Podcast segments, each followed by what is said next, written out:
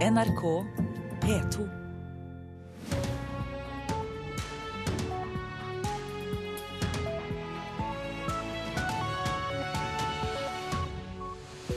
Vi er kommet fram til mandag 22. juni. Øystein Heggen ønsker deg velkommen til Nyhetsmorgen 6.30 med disse overskriftene. Barn blir solgt etter jordskjelvet i Nepal. Humanitære organisasjoner advarer. Nepals barn er en vare. De selges og eksporteres. Når kaos oppstår etter et jordskjelv, kommer menneskehandlerne. Nytt forslag fra Hellas for å unngå å bli kastet ut av eurosonen.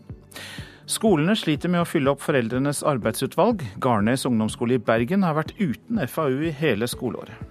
Ulempen er at eh, vi som skole da ikke har noen representanter for hele foreldregruppen å forholde oss til. Rektor Ragnhild Kårstad. Og dom faller mot internetts kanskje mest forhatte mann denne uka. Også norske kvinner kan ha blitt rammet av hans hevnpornosider. Internasjonale humanitære organisasjoner roper varsku om hva som nå skjer med barn i Nepal. De blir solgt. Det foreligger ikke sikre tall, men barn forsvinner og har dårlig beskyttelse. Utenriksmedarbeider Tom Christiansen har mer. Det var ikke bare hjelpearbeidere som strømmet til Nepal da jordskjelvet drepte 8000 mennesker i april og mai. Menneskehandlerne kom også. Nepals barn er en vare. De selges og eksporteres. Når kaos oppstår etter et jordskjelv, kommer menneskehandlerne. De plukker ungene på gata og tar dem med til et barnehjem, eller de går rett til barnehjemmet og betaler. Blant fortvilte foreldre på landsbygda kan de by seg fram som godhjertede, omsorgsfulle mennesker. De skal ta seg av barna mens forvirringen rår, men barna dukker aldri opp igjen. Det enkleste er å få tak i et barn som nettopp har mistet foreldre og slekt. Det er et lett marked. Kontrollen er svak når folk er blitt hjemløse og mange er skadd eller blitt borte. Da er de foreldreløse sjanseløse overfor utlendinger som klapper dem på hodet og lover hjelp. Men de ender som barnearbeidere i andre land. Jentene dukker opp i India som prostituerte. Det er ikke nytt for Nepal, men nå er det en gulltid for smuglere. Fenomenet er ikke nytt. Etter jordskjelvet i Haiti strømmet det menneskehandlere til, sammen med organisasjoner som drev med tvilsom adopsjon. Det er penger i fattige unger. Du er kommet til studio, Bernt G. Apeland. God morgen til deg. God morgen. Du er generalsekretær i uh, Unicef, og uh, det er jo mange som vil reise til Nepal og andre steder, kanskje for å jobbe for, på barnehjem for å hjelpe. Og så sier dere at uh, de kanskje kan gjøre mer skade enn godt. Hvorfor det? Som vi hørte i reportasjen, så er menneskehandel det er en del i, av det som skjer i fattige land. Det er en del av hverdagslivet. Og enda verre blir det hver gang en katastrofe oppstår. Da har du kyniske menneskehandlere som eh, gjennomfører det jeg vil si er en dobbelt bedrag eller en dobbelt utnyttelse. De lurer foreldre eller familie til å tro at barna eh, skal kunne få en bedre fremtid hos dem.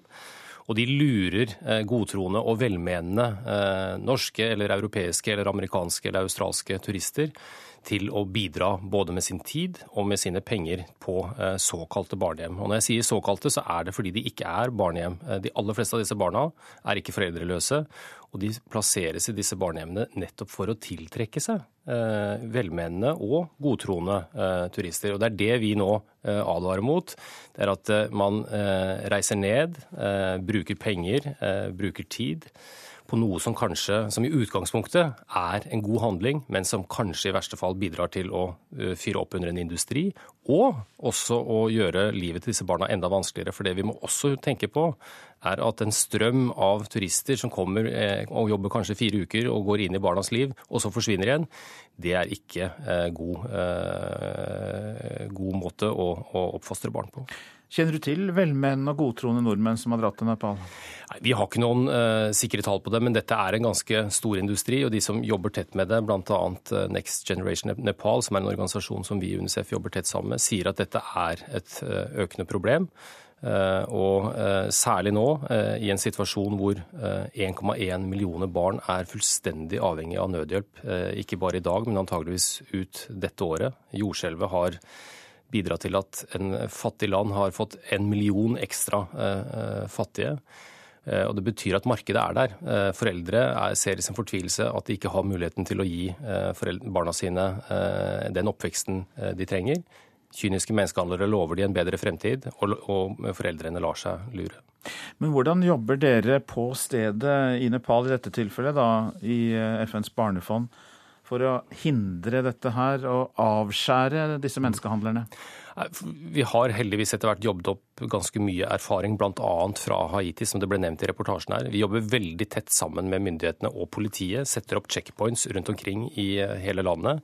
Eh, vi har innfått, sammen med myndighetene fått innført en lovgivning som gjør at barn ikke har lov til å eh, bevege seg over distriktsgrenser uten å ha med seg foreldrene. Eh, og Vi jobber da med bl.a. det vi gjør nå, å informere eh, vestlige eh, turister om at dette er en industri man skal være veldig oppmerksom på. Vi har bl.a. også fått med oss nå engelske, franske, amerikanske myndigheter som nå i sine reiseråd advarer mot akkurat denne type for velferdsturisme, eller barnehjemsturisme som det kalles. Helt til slutt, Bernt G. Hvis jeg har tid og for så vidt også økonomi til å hjelpe til der nede, hvorfor skal jeg da ikke få lov til det? Hva skal jeg da gjøre? Jeg tror Det første spørsmålet man skal stille seg er hva har jeg av ferdigheter som eh, jeg kan bidra med? Fordi eh, disse barna fortjener eh, en, en gode hjelpearbeidere. Og så er det neste spørsmålet hvor lenge er jeg villig til å hjelpe? Hvis det bare er for fire uker, så er det nok bedre å gjøre noe annet. Takk skal du ha. Du er generalsekretær i Unicef, Bernt G. Apeland. Takk for at du kom. Nå om Hellas, som har kommet med et nytt forslag til EU, Det internasjonale pengefondet og Den europeiske sentralbanken om hvordan landet skal unngå å bli tvunget ut av eurosonen. Det bekrefter Martin Selmayr, som er kabinettsjef for EU-kommisjonen. I dag møtes EU-toppene til krisemøte om den greske økonomien, og forslaget danner et godt utgangspunkt for møtet, sier EU-kommisjonens president Jean-Claude Juncker. Og vi skal gå mer i detalj om dette forslaget for Hellas etter sju. En mann fra Spania er på vei til sykehuset i Bodø etter at han falt eh, rundt 100 meter ned fra et av fjellene ved Kjerkfjorden i Moskenes kommune i Nordland. Ifølge Hovedredningssentralen Nord-Norge var han ved bevissthet da han ble hentet, men skadeomfanget er ukjent. Unge voksne bør kjøpe bolig, men bare hvis de kan klare renteøkning i framtida. Det sier Christian Dreyer i Eiendom Norge. Sist eh, torsdag så satte jo Norges Bank ned styringsrenten, og flere banker har fulgt opp med å sette ned sine utlånsrenter. Megler Ada Kjenner skal selge en mindre leilighet i Oslo sentrum, og det strømmer folk til. Velkommen. Hei, Ada. Hei. Det er åpent. Den er definitivt stor. Vi har uh, høye treff på Finn-annonsen og gode besøk på visninger. Det kommer mye mennesker, sånn som her i dag. De aller fleste skriver seg på liste og spør uh, når er budrunden. Så her kommer det definitivt til å bli en opphetet uh, budrunde. Selv om Norges Bank både satte ned renten nå og melder at de nok kommer til å gjøre det igjen i september, tror ikke sjefsanalytiker Erik Bruse i Nordea på noen kraftig vekst i boligmarkedet. Det første det er at regjeringen gjennomfører disse tiltakene som kan gjøre det litt vanskeligere for førstegangsetablerere å få boliglån. Men kanskje det viktigste det er at arbeidsledigheten øker. Eh, lønnsveksten generelt blir veldig lav, og det, det tror jeg vil legge en demper på boligprisveksten. Olga Jankowska og kjæresten skal kjøpe sin første leilighet. Hun syns boligmarkedet alt er tøft for unge voksne, og mener det er viktig å ha en sikker inntekt før man kjøper bolig. Jeg har selv deltidsjobb og tar opp studielån, så jeg har bare putta det på sparekonto fram til nå. Og kjæresten min har jo fulltidsjobb, så det er det vel vi har bestemt oss for å kjøpe. Ellers så har det vært litt skummelt, syns jeg da. Administrerende direktør i Eiendom Norge, Christian Dreyer, mener det er smart. De aller fleste kjøperne skjønner at renten er lav av en grunn, sier han. Vi ser jo tendenser til nedkjøling i norsk økonomi. Vi ser at arbeidsledigheten øker, og det har en vesentlig større innvirkning på boligmarkedsutvikling enn eh, rentenivået i seg selv. Så, sånn sett så har vi forventninger om fremdeles en ganske utflating i prisbildet utover høsten, til tross for et eh, lavt rentenivå. På tross av en utflating i markedet nå, har de siste 20 årene vist at prisene i et lengre perspektiv uansett går opp så dreier jeg ikke tvil om hva han råder unge som ønsker å kjøpe seg en leilighet til å gjøre. Jeg anbefaler unge om å kjøpe, så fremt de har eh, råd til det eh, og kan betjene den lånet. Og også har råd til eventuelt høyere rente eller råd til å sitte på boligen ved eventuelt boligprisfall i en periode. Og megler Ada Kjenner er ikke i tvil om hvem som er de mest ivrige i boligmarkedet nå. Det er helt klart de unge. De er veldig ivrige på å komme seg inn i boligmarkedet. De er ivrige på å komme seg inn på de trendy stedene. De som også får hjelp fra foreldrene sine, de har jo en ekstra boost til å kunne gi det ekstra i budrundene. Lykke til. Vi snakkes på tirsdag. Ja, det gjør vi. Det var Torunn Grymer som hadde laget den reportasjen. Høyre får den dårligste oppslutningen på fem år i Dagbladets partibarometer for juni, som er utført av Ipsos MMI. Partiet faller 1,8 prosentpoeng til en oppslutning på 21,4% Også Arbeiderpartiet går tilbake 1,8 prosentpoeng, men er fortsatt det største partiet, da, med en oppslutning på 36,8% Fremskrittspartiet går fram 1,5 prosentpoeng til 14,3% For de andre partiene er det kun små endringer. Foreldrene vegrer seg for å stille opp i foreldreutvalg på skolene. Over hele landet er det flere steder vanskelig å få foreldrene til å engasjere seg. Det sier leder for Foreldreutvalget for grunnopplæringen, Elisabeth Strengen Gundersen. Garnes ungdomsskole i Bergen har vært uten FAU hele dette skoleåret. Det har vært ting som eh, vi har kunnet tenkt oss å drøfte med foreldrene, som vi kanskje ikke har hatt helt muligheten for det. Sommerferien er like om hjørnet, og det er stille på skoleplassen. Her på Garnes ungdomsskole i Arna har de vært uten foreldrearbeidsutvalg dette skoleåret. Det har vært vanskelig å få foreldre til å engasjere seg i FAU. Det sier nyansatt rektor Ragnhild Kårstad. Ulempen å være uten FAU er at, eh, at vi som skole ikke har noen representanter for hele foreldregruppen å forholde oss til. Også andre steder opplever skoler det som vanskelig å få foreldre til å stille opp og engasjere seg. Det sier Elisabeth Strengen Gundersen. Hun er leder for Foreldreutvalget for grunnopplæringen. Vi merker det vel først og fremst ved henvendelser fra skoler som sliter med å få foreldre til å ta verv. Ifølge Strengen Gundersen har skole noe av ansvaret. Foreldre føler ofte at de har for lite påvirkningskraft gjennom FAU, mener hun. Om man blir sittende i et eh, nær sagt supperåd som nikkedokke til rektor, så har man grunn liten interesse av å være der også. Jeg ønskte å ta aktivt del i eh, ungene mine sitt eh, sosiale miljø og læringsmiljø. Mildrid Kronborg Økland er nestleder i Utdanningsforbundet i Hordaland, og tidligere FAU-leder ved Møhlenpris skole i Bergen. Foreldrene ved Møhlenpris var viktige pådrivere for opprustningen av skolen. Hun mener arbeidet i FAU hadde mye for seg. Ja, det følte jeg absolutt.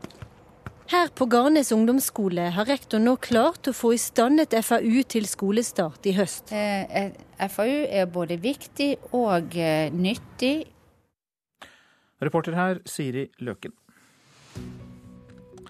Så var det avisene, da, og det de er opptatt av i dag. 18 menn fra Norge etterforskes for terror. Mange av dem er allerede siktet, kan vi lese i Aftenposten. PST mener mennene har begått terrorhandlinger eller gitt støtte til terrornettverk. I tillegg kommer skjult terroretterforskning som PST driver. Jobber forsvinner, butikker stenger og boligprisene synker. Slik beskriver VG situasjonen i Stavanger under oljekrisen som har rammet byen. Det blir en overetablering av mikrobryggerier, tror direktør i Bryggeri- og drikkevareforeningen Petter Nome. I Finansavisen kan vi lese at det er etablert 57 mikrobryggerier det siste halvannet året. Det er slakt av oljefondets spekulasjoner på forsiden av Dagens Næringsliv. Finanseksperter er kritiske og beregner et årlig tap for fondets spekulative investeringer på 9 milliarder kroner. Iranske forskere kan bli kastet ut av Norge uten å få oppgitt grunnen, skriver Klassekampen. To forskere avisen har snakket med, får ikke være til stede når rettssaken mot dem avsluttes i dag, og det får heller ikke advokatene deres. Homeparties, hemmelige stunt om natta, dørbanking og telefoner. Slik skal partiene kjempe om din stemme, forteller Dagsavisen foran kommunevalget. Regjeringen vil ha mindre utleie av jord, men er selv blitt en av de største utleierne, kan vi lese i Nasjonen. Gardsdriften på Åna fengsel i Rogaland legges ned etter 100 år, og over 3000 mål skal leies ut. Banning er blitt et billig salgstriks i bokbransjen, kan vi lese i Vårt Land. Avisa tar for seg banneord og engelsk slang som preger mange titler på nye bøker for ungdom. Norsk kunstnerliv blomstret under krigen, selv om ekspertene har ment noe annet, skriver Dagbladet om utstillingen Krigsbilder, som åpner i Arendal kunsthall. Kunstnernes mange vanskelige valg og erfaringer under okkupasjonen kommer til uttrykk i arbeidene der. På stø kurs mot gull, beste sesongstart på 20 år. Adresseavisen viser begeistring for Rosenborgs eh, herjinger på toppen av Eliteserien. Det er andre toner i Bergens Tidende, for i divisjonen under gikk Brann på et smell mot lillebror Sogndal og tapte 0-4 på hjemmebane. Vi får juling, og det er vondt, sier den nye Brann-treneren Lars Arne Nilsen. Og vi fortsetter med fotball her i Nyhetsmorgen, nå om kveldens åttendedelsfinale i VM. Trenere og spillere her hjemme tror Norges sjanser mot England er gode. Det blir jevnt, helt sikkert, og det blir knocker, men jeg har en liten eh, magefølelse på at Norge klarer å dra det i land. Det hadde vært jævlig artig. Det sier Vålerenga-trener Kjetil Rekdal om kvinnenes åttedelsfinale mot England i kveld. Starttrener Mons Ivar Mjelde mener de norske jentene har vært litt varierende i prestasjonene. Det, det har vært litt blanda drops. Har ikke vært altfor gode i fremoverspill i alle kamper. Han tror mye erfaring kan være avgjørende videre i mesterskapet. Det er klart, eh, Når du går inn i cupspillet, så er det å vinne eller forsvinne. og det, det, er klart at uh, Norge, Norge, kan gå en uh, bit, fordi de har spillere med erfaring og, og en erfaren trener, ikke minst. Så jeg håper og tror at Norge kan lukte på en medalje. Det tror også Molde-trener Tor Ole Skullerud. Vi har et godt norsk kvinnelandslag som, som har potensialet sikkert til å komme seg ja, kanskje på en medalje vært gøy, det. Erik Mjelde har søster Maren på landslaget, og følger nøye med på mesterskapet i Canada. Norge har mye spisskompetanse fremover på banen, eh, så jeg tror de skal bruke de og så tette igjen helt bakover. Så ta med seg andre gangen mot Tyskland spesielt òg, så, så kan de nå langt. Og hva blir egentlig resultatet i åttedelsfinalen i kveld? Norge vinner 1-0. Reporter her, det var Ida Moseng. Og åttendedelsfinalen mot England sendes både på NRK TV og radio fra klokka 22 i kveld. Du lytter til Nyhetsmorgen. Klokka den går fram mot 6.47. Dette er hovedsaker. Barn blir solgt til slaveri og prostitusjon etter jordskjelvet i Nepal. Unicef advarer mot godtroende frivillige som tror de skal hjelpe barna, men blir lurt av menneskehandlere. Hellas har kommet med et nytt forslag for å unngå å bli kastet ut av eurosonen. Forslaget er et godt utgangspunkt, sier EU-kommisjonens president Jean-Claude Juncker. Artister boikotter Apples nye strømmetjeneste, for det er ingen penger å tjene de første tre månedene. Hør mer om det snart. Og så minner vi om at det er sankthansfeiring i morgen, med bålbrenning over hele landet. Men tenk over at barnas klær kan være brannfarlige, advarer brannvesenet. Kle barna riktig, for noen tekstiler kan være veldig farlige. Når det gjelder barn, så kle dem gjerne i eh, naturstoff, som eh, bomull og ull. Kunststoff eh, er jo lett antennelig, og det kan også smelte ved sterk strålevarme. Så pass godt på, på ungene. Det sier Joakim Jensen, leder for forebyggende avdeling ved Vestfold interkommunale brannvesen. Jensen sier man må være bevisst på hva man brenner.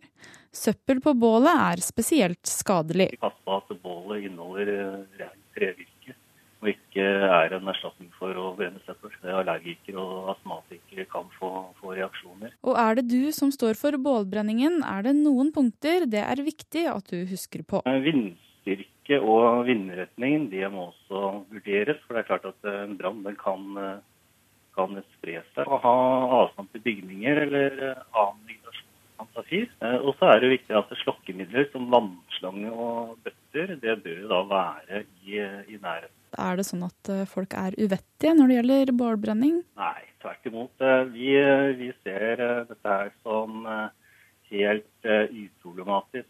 Vi opplever at folk er veldig flinke til å til å ta vare på både seg og sine, og ikke minst at uh, dette er, er uh, kontrollerte forhold.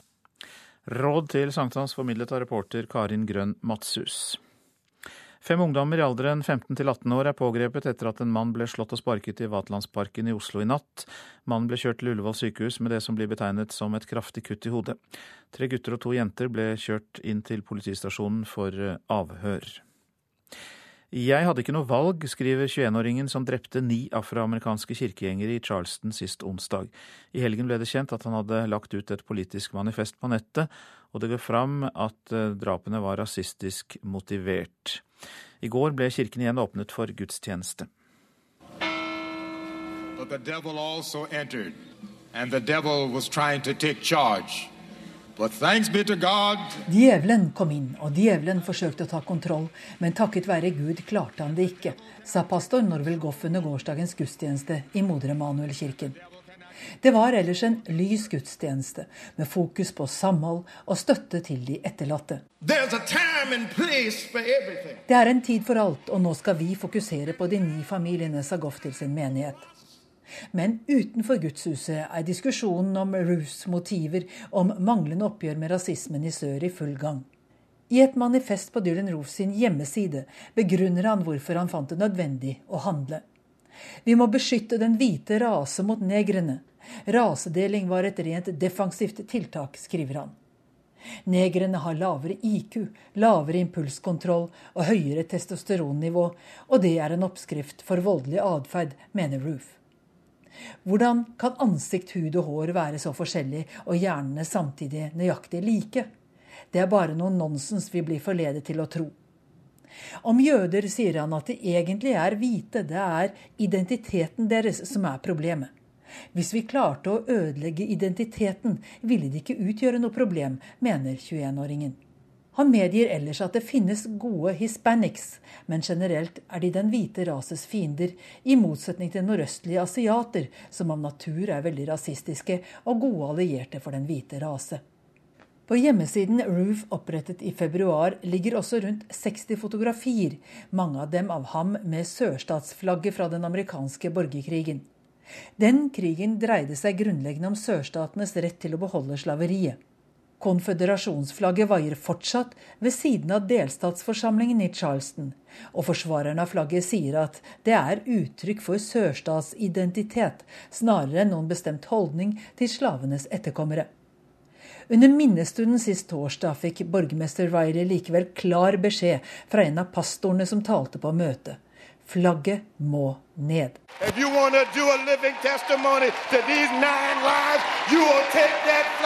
Lives, you will take it down. Og på det møtet så deltok også vår USA-korrespondent eh, Gro Holm, som hadde laget denne reportasjen. Denne uka faller det dom i en av tidenes største hevnpornosaker i USA. Organisasjonen slettmeg.no sier at også norske kvinner kan ha vært rammet. Mannen det dreier seg om, levde i tre år av å publisere nakenbilder av uvitende kvinner og menn på internett, og er blitt kalt internetts mest forhatte mann. I don't feel it's sleazy at all. Really? Yeah. the people that they're trusting are the ones that are submitting it. So right. why isn't the blame pointed at them? Først denne uken faller dommen mot det som kalles internetts mest forhatte mann. I mellomtiden har Hunter Moore levd fett og blitt kjendis på andres ulykke. Fenomenet heter hevnporno. Sinte menn og kvinner som ønsker å ødelegge livet til eksen ved å publisere nakenbilder og personopplysninger om dem på internett. Moores gamle side isanyoneUp.com spesialiserte seg på dette og hadde, ifølge ham selv, 30 millioner unike brukere hver måned. Hunter Moore har ødelagt livet til hundrevis av mennesker verden over, sier Hans Marius Tessem i slettmeg.no. Vi har klare indikasjoner på at eh, det òg har vært norske jenter på, på, den siden.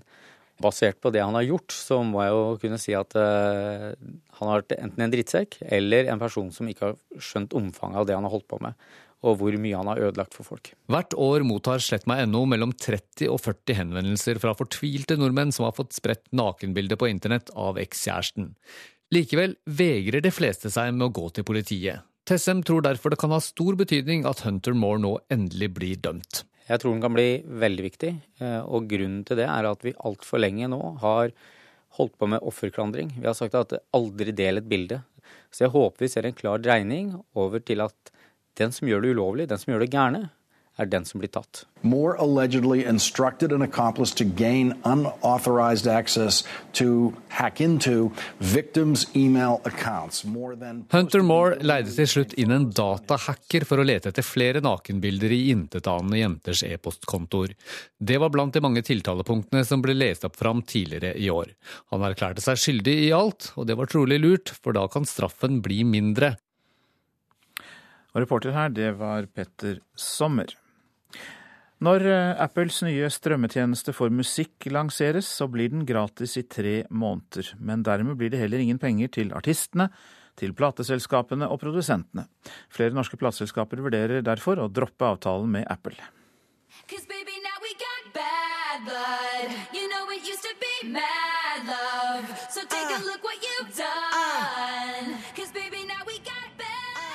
Denne låten og flere andre blir ikke å finne på Apples nye strømmetjeneste Apple Music. Gigantartist Taylor Swift publiserte i går et åpent brev til storselskapet Apple, og forklarte hvorfor hun holder tilbake sitt nyeste album fra strømmetjenesten. I brevet skriver hun bl.a.: Dere har sikkert fått med dere at Apple Music vil tilby brukerne sine en gratis prøveperiode på tre måneder. Jeg vet ikke om dere har fått med dere at Apple Music ikke kommer til å betale låtskrivere, produsenter eller artister i den samme perioden.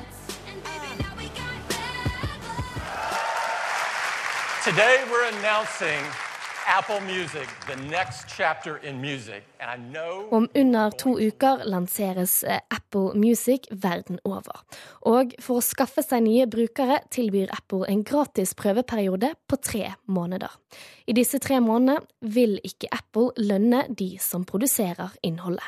For oss som driver med business, så syns vi det er ganske hårreisende vi påtvinger en tremåneders gratisdeal uten at en egentlig har eh, vært i noen forhandlinger om det. Larry Bringsjord er styreleder i Fono, organisasjonen som representerer uavhengige norske plateselskap. Han synes ikke noe om Apples markedsføringsplan. Å drive og påtvinge mindre selskaper og artister en slik modell, jeg syns det er ganske ufint, for å si det mildt. NRK har vært i kontakt med flere uavhengige norske plateselskap som er usikre på om de kan godta denne avtalen. Og mange av plateselskapene lever mye av de inntektene der, og det kan bety krise for enkelte rundt omkring i verden. Swift og Fono er ikke de eneste som har reagert. Det britiske plateselskapet Baggers har uttalt at de ikke kan godta avtalen slik den er nå. Det kan resultere i at artister som Adele og Vampire Weekend også holder tilbake musikk fra tjenesten. Storkapitalistene fikk uansett en tydelig melding fra Taylor Swift. Vi spør ikke om gratis iPhoner. Vær så snill, ikke be oss om å gi dere musikk uten å få betalt.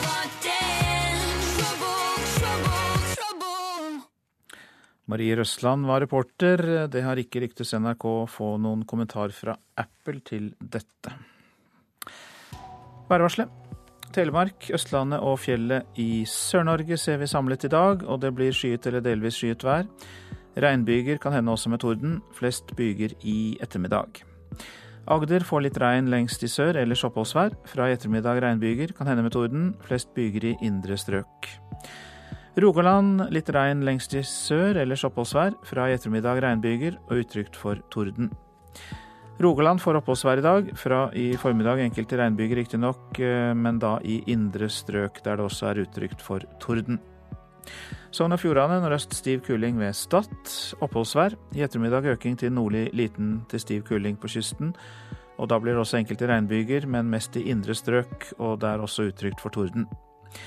Møre og Romsdal og Trøndelag. På Sunnmøre periodevis nordøst liten kuling. Fra i ettermiddag regnbyger i indre strøk og utrygt for torden. Ellers oppholdsvær og utrygt for lave tåkeskyer på kysten av Møre og Romsdal og Trøndelag. Så går vi til Nordland, der det stort sett blir pent vær i dag, men sør for Bodø kan det komme enkelte ettermiddagsbyger, også da med torden. Og det blir stedvis nordlig liten kuling fra i ettermiddag. Troms får oppholdsvær og perioder med sol til og med. I grensestrøkene kan det bli enkelte regnbyger. Finnmark lengst øst i fylket, sørøst liten kuling. Det blir skiftende skydekke i Finnmark, perioder med regnbyger, kan hende med torden på vidda. Og Nordensjøland på Spitsbergen opphold og perioder med sol. Og vi tar for oss temperaturene klokka fem i natt. Svalbard lufthavn seks, Kirkenes åtte, Vardø ni, Alta ti. Tromsø, Bodø og Brønnøysund alle med åtte. Trondheim elleve, Molde ti. Bergen, Flesland også 10 grader. Stavanger, Kristiansand og Gardermoen 9 grader. Så går vi til Lillehammer. Der var det 10, Røros 8 og Oslo-Blindern 10 grader da klokka var fem.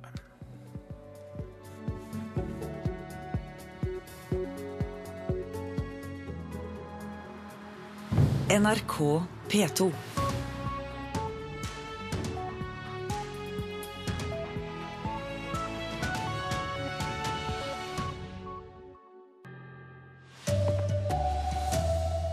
Mange i Norge vil nekte ytterliggående grupper å slippe til i det offentlige rom.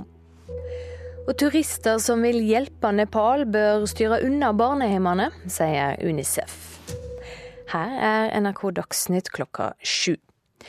Ytterliggående politiske og religiøse grupper bør ikke ha like vilkår som andre når det gjelder å fremme budskapen sin. Det mener rundt halvparten av de spurte i en stor undersøking fra Universitetet i Bergen. Folk ble bl.a. spurt om ytterliggående islamister og høyreekstreme skal få leie møtelokale, eller fortelle om sitt syn på lokale kjøpesenter. Mange er negative til det, forteller forsker Elisabeth Ivars Flaten. Noen aktører i Norge oppfattes som så ekstreme at vi ikke ønsker at de skal kunne benytte de vanlige demokratiske rettighetene. Folk er aller mest opptatt av å begrense rene høyreekstreme grupper og ytterliggående islamister som profetens Umma. Men mange vil også hindre anti-islamske grupper som Pegida og Stopp islamifiseringen av Norge å få slippe til i offentligheten. Og Der er det sånn at det er litt 50-50. Noen mener at de bør ha demokratiske rettigheter, andre mener ikke det. Så der finner vi et mer mikset resultat. Reporter Tom Ingebrigtsen.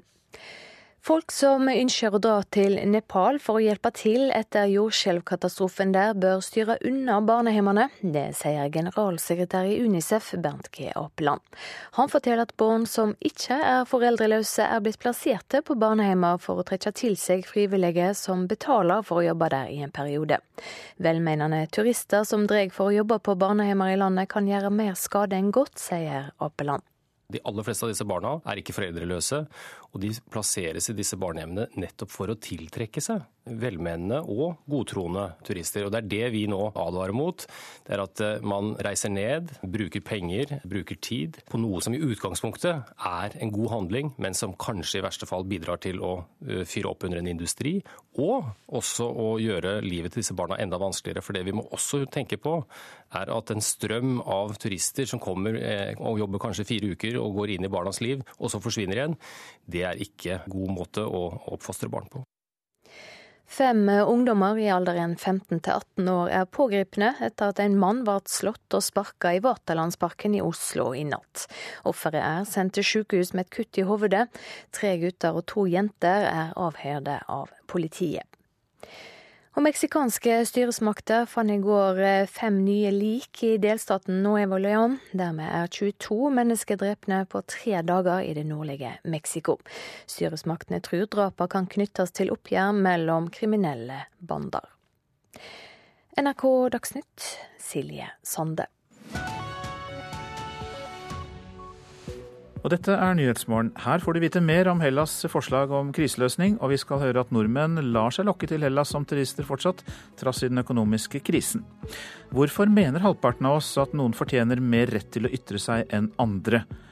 Vi eh, analyserer dette her i Nyhetsmorgen. Pro-russiske separatister beskylder ukrainske myndigheter for å skape en humanitær krise ved å stoppe tilførsel av vann. Og i Mali har regjeringen inngått en fredsavtale med opprørerne, som er lovet begrenset selvstyre.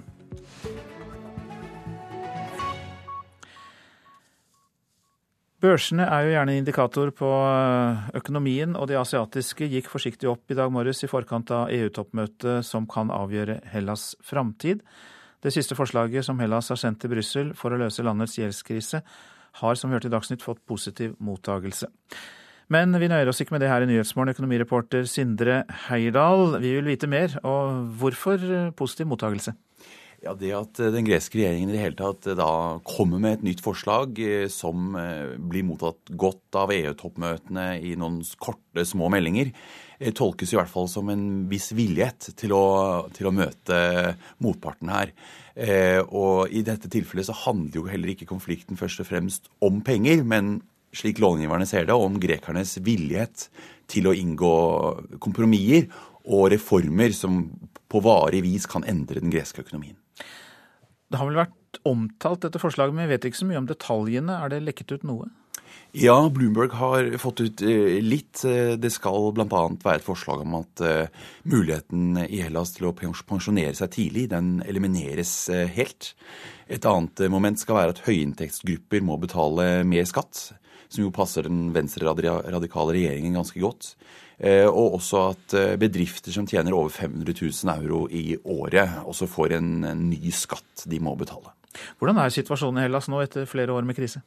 Den er klart den er eh, veldig vanskelig. Eh, og også de siste ukene så har det da vært store uttak fra greske banker. Det er mange grekere som eh, tar ut sparepengene og gjerne setter inn i en utenlandsk bank med filialer i Hellas. Og bare siste halvannen uken er det rapportert om uttak på 4 milliarder euro. Så det er kritisk.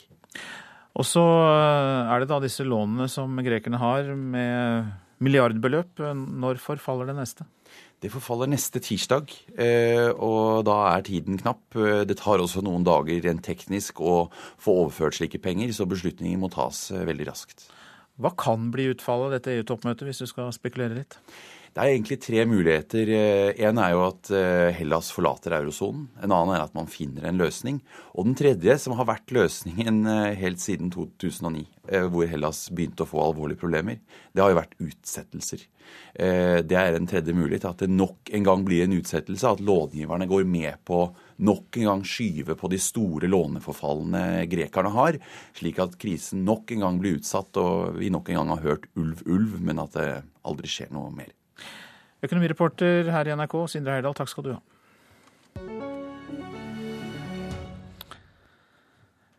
Og vi skal fortsette med Hellas, for nordmenn lar seg ikke skremme av et mulig gresk bankkollaps. Reiseoperatørene melder nemlig om økt pågang på Hellas-reiser den siste tiden, og Kaja Hegg fra Oslo er en av dem som eh, snart setter seg på flyet til Hellas.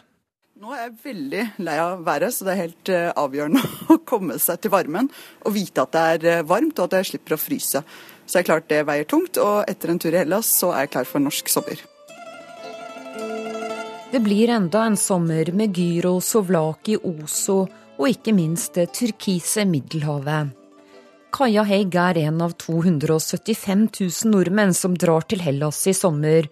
Mer enn 40 000 flere enn i fjor. Foreløpig er nordmenn mer skremte av norsk sommervær enn gresk uro, sier Tonje Fossum, kommunikasjonsdirektør i reiseselskapet Ving maken til salgstall som vi har hatt de siste fire ukene, er det lenge siden vi har sett. Hvis det er slik at det skulle, skulle oppstå en krise der nede, eh, har dere da som charteroperatør noen, noen spesiell beredskap? Ja, vi har jo en enorm eh, dyktig og erfaren beredskapsorganisasjon. Eh, bygd opp for alle mulige hendelser som kan skje.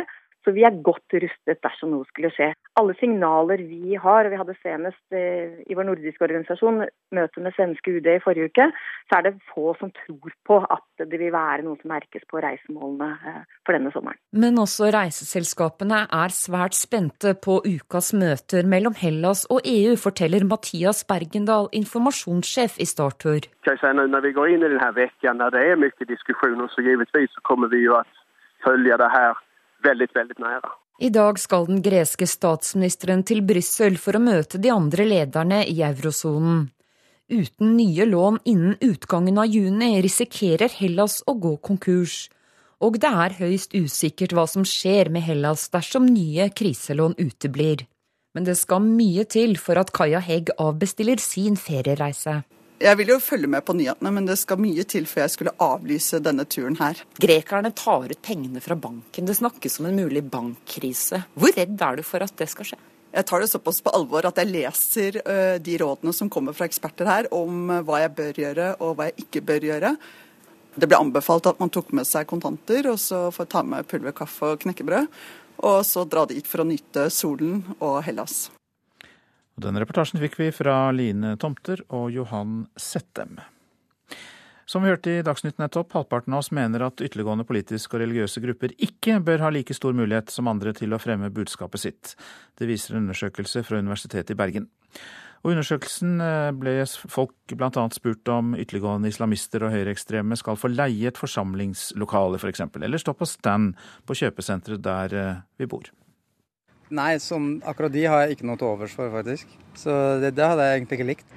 Det er ikke noe jeg har lyst til at skal skje, nei. noen aktører i Norge oppfattes som så ekstreme at vi ikke ønsker at de skal kunne benytte de vanlige demokratiske rettighetene. Det sier forsker Elisabeth Ivarsflaten ved Universitetet i Bergen, som jobber med å måle holdningene våre i Norsk medborgerpanel. Folk er aller mest opptatt av å begrense rene høyreekstreme grupper og ytterliggående islamister som profetens Umma. Men mange vil også hindre anti-islamske grupper som Pegida og Stopp islamifiseringen av Norge å få slippe til i offentligheten. Og der er det sånn at det er litt 50-50. Noen mener at de bør ha demokratiske rettigheter, andre mener ikke det. Så der finner vi et mer mikset resultat. Svarene viser at det store flertall ikke har noen problemer med å la de etablerte politiske partiene spre sine budskap, uansett om de er enige i politikken eller ikke. Og Fremskrittspartiet, som tidligere ofte ble møtt med demonstrasjoner fra meningsmotstandere, skiller seg ikke fra andre. Så det at vi dokumenterer nå 100% at Fremskrittspartiet er stuerent på den dimensjonen i Norge, det syns jeg er interessant. Ifølge Ivarsflaten er vi skeptiske til dem vi frykter skal misbruke rettighetene og være en trussel mot demokratiet. Det gjelder ikke vanlige muslimer. Så En vanlig muslimsk menighet mener befolkningen i Norge at skal ha rettigheter i vårt demokrati, på lik linje med hvilken som helst annen religiøs organisasjon. Samtidig med at mange av oss vil hindre ytringene til ekstreme grupper, er det andre som mener vi bør la folk slippe til, selv om de har ekstreme meninger. Så lenge de på en måte da ikke proklamerer ting som f.eks. går på tvers med menneskerettigheter, så er det egentlig innafor. Altså. Det er skumlere om ting ikke kommer frem, at folk mener eh, ting i det skjulte. Reporter var Tom Ingebrigtsen. Du kan lese mer om dette på nrk.no, men du kan høre mer om det her, for du har kommet til studio, Njål Høstmeldingen. God morgen. God morgen. Du er direktør ved International Law and Policy Institute og har jobbet mye med ytringsfrihetsspørsmål. og Ble du overrasket over det du hørte nå? Jeg ble litt overrasket, for jeg ville trodd at tallene var høyere. At det var flere som ønsket å begrense ytringsfriheten for ekstreme grupper enn det som den undersøkelsen viste. Hvorfor trodde du det kunne vært enda flere? Det er fordi de ytringene som man da søker å beskytte, de som virkelig trenger beskyttelse, det er de som provoserer deg, det er de som krever noe av deg. Og når du får det på en måte trykka inn på deg, så vil du fort reagere med å be, be de om å holde kjeft, være stille, holde seg unna din sfære. Hva forteller eh, disse tallene da, og det vi mener om ytringsfrihetens kår? Jeg vet ikke helt, for jeg vet ikke helt hvor dypt man går inn i disse tallene her. Jeg tror ikke dette her egentlig kommer til å speile noe som endrer seg i samfunnet. Krekar-saken som et eksempel, hvordan hans eh, ytringsfrihet er blitt begrenset, som man da mener er innenfor det loven tillater, sier allerede noe om hvordan samfunnet behandler det her. Men det er klart at hvis det er et stort press om å plukke ut noen grupper, noen partier, noen organisasjoner, så er vi inne i en skummel trend hvis man da ikke blir vurdert ut ifra sin egen subjektive situasjon. Ja, skummel sier du. Trenger vi i lys av dette å tenke gjennom ytringsfriheten på nytt, hva den betyr? Det er tenkt gjennom veldig mye rundt ytringsfrihet allerede. Det er veldig mange som har boret veldig dypt inn i ytringsfriheten. og disse sakene er kanskje mer at det, det, homogene Norge utsettes for et bredere press enn det som har vært vanlig til nå, særlig rundt de ekstreme islamistiske ytringene. Så når IS f.eks. rekrutterer nye soldater gjennom mediekampanjer, bruk av sosiale medier, så er det et problem som er ganske vanskelig å gå inn i. Fordi andre organisasjoner som man da mener har et bedre mål, mer aktverdig mål, som motarbeider regimer som man gjerne ønsker ser faller, så kan det godt være at man legger en annen standard til grunn der enn i forhold til IS, som et eksempel. Men skal ytringsfriheten styres av det flertallet mener er et aktverdig mål? Nei, det går jo ikke. Og menneskerettighetene de er jo en skranke for hvordan myndighetene kan utøve sin politikk. sånn at menneskerettighetene er på en måte absolutte. De setter en ramme for hvordan man kan utforme politikken. Men samtidig så er det jo sånn at ytringsfriheten er heller ikke absolutt. Du kan ikke ytre deg om forsvarshemmeligheter eller oppfordre til eh, drap eller vold mot enkeltpersoner. Sånn at det er, det er, rammer innenfor ytringsfriheten, og det er en frihet innenfor ytringsfriheten for myndighetene hvordan de ønsker å forme den. Så den er ikke helt lik fra USA til Frankrike til Norge. Det vil variere med land til land og fra situasjon til situasjon. Mange takk for at du kom og belyste dette for oss, Njål Høstmeldingen, som er direktør ved International Law and Policy Institute. Du lytter til Nyhetsmorgen, klokka den nærmer seg 7.15. Dette er hovedsaker i dag. Hellas har kommet med et uh, nytt forslag for å unngå å bli kastet ut av eurosonen. Forslaget er et godt utgangspunkt, sier EU-kommisjonens president Jean-Claude Juncker. Halvparten av de spurte vil begrense ytringsfriheten for eh, ytterliggående politiske og religiøse grupper, som vi nettopp hørte. Det er en undersøkelse fra Universitetet i Bergen som viser det. Barn blir solgt til slaveri og prostitusjon etter jordskjelvet i Nepal, og humanitære organisasjoner advarer.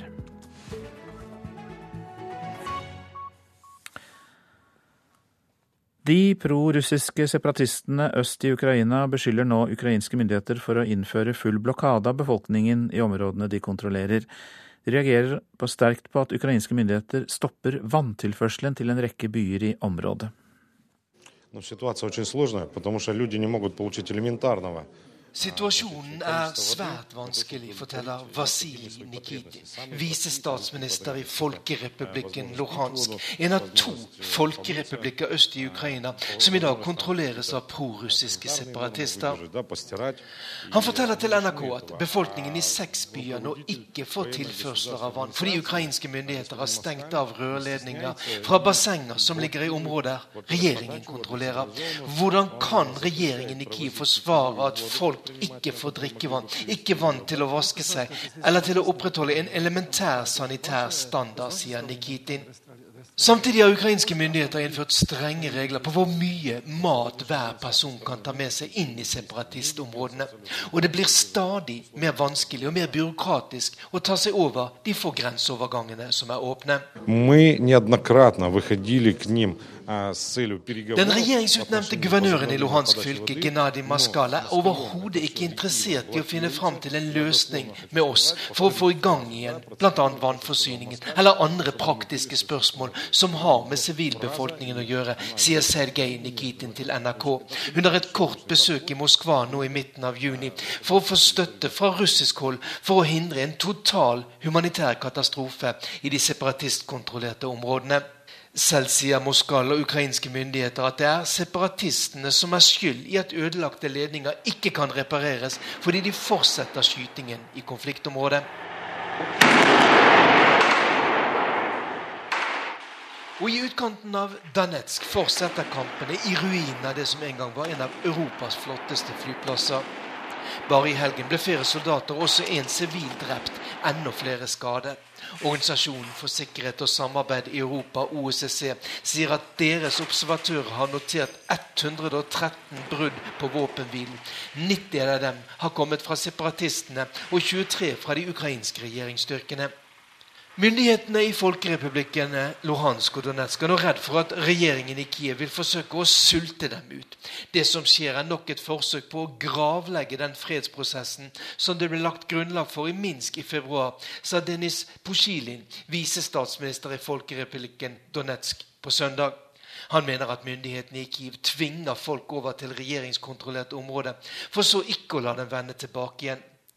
Poshilin sier at den humanitære situasjonen i området skal drøftes med Røde Kors under det neste møtet i den såkalte kontaktgruppen for Ukraina, som etter planen skal møtes i slutten av denne uken. Morten Jentoft, Moskva.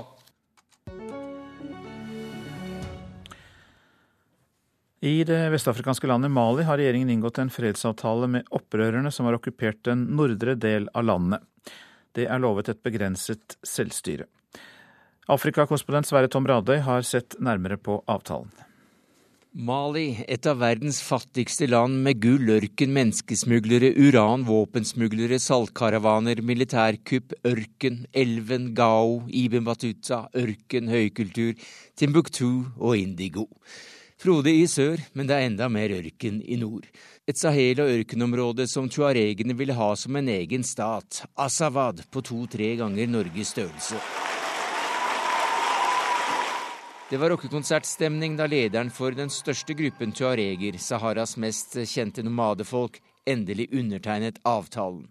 Den hadde ligget der ganske ferdig siden 1. mars, etter lange forhandlinger i nabolandet Algerie. Han lovet å stå for sine ord, opprørslederen Jeri Maiga. Det er ikke første gang slike avtaler signeres. Siden frigjøringen fra Frankrike i 1960 har tuaregiske grupper fire ganger erklært krig mot storsamfunnet, som de mener ikke gir dem velferd, skoler, veier og helsetilbud. Og de har herjet med de fastboende om det lille som er å dele i dette området der ingen skulle tro at noen kunne bo, og der storsamfunnet har hatt lite å si uansett. Nå er de lovet mer ressurser og innflytelse over eget territorium, men langt fra selvstyre samtidig som andre grupper med mektige venner gjør Nord-Mali utrygt. Nordmenn kjenner altfor godt navnet Mukhtar Belmukhtar og hans gruppe fra angrepet på gassanlegget i Algerie. Verken han eller andre jihadister satt rundt forhandlingsbordet. Og hva da en fredsavtale er verdt, får ekspertene strides om. Fra vår Afrikakorrespondent eh, til deg, Morten Bøås, god morgen. Du er seniorforsker ved Norsk utenrikspolitisk institutt Eh, NUPI. Ja, bortsett fra terrorfaren, hvorfor er eh, Nord-Mali så viktig, som først og fremst da består av sand? Ja, det er jo et eh, på mange måter et strategisk viktig område som ligger på grensen mellom altså det mer tropiske Afrika og ørkenområdene nordover. Så sånn sett er det viktig. Det er viktig som en ferdselsvei mellom altså Vest-Afrika og Nord-Afrika, kystområdene tradisjonelt sett. altså Fra gammelt av har jo også dette vært de viktige karavaneveiene både til kysten, men også til den arabiske halvøyen. Så sånn sett er dette viktig. Eh, det er også snakk om at det kan være store ressurser her av olje, gass, i tillegg til uh, mulige mineraler. Men det er veldig uklart.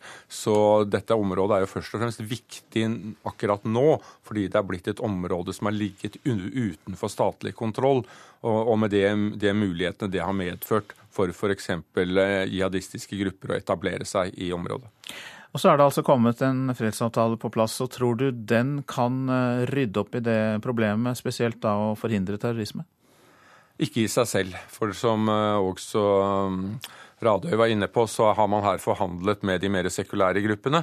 Det betyr dessverre at de sterkeste gruppene rent militært sett, det er jihadistene. Det er en del av de mer kriminelle organisasjonene, altså kriminelle gruppene som bidrar bl.a. til smuglingen. De har ikke vært til stede under disse forhandlingene.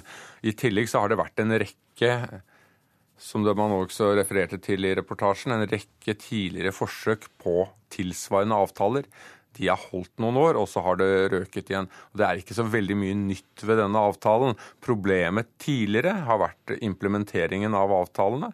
Implementeringen både i hovedstaden Bamako, men også faktisk i nord. Eh, tidligere avtaler har faktisk ført til en sirkelstrøm av penger. Det er ikke riktig som en del av disse Tuareg-lederne sier, at eh, penger aldri har blitt overført til eh, Nord-Mali. Det har de blitt, men altså disse pengene har gått til Nord-Mali. Der har hva skal man si, lokale, sterke menn tatt sin del av dette. her, Og så har de gått tilbake til Bamako, og sånn har sirkelen gått. Spørsmålet er om det blir noe annerledes nå.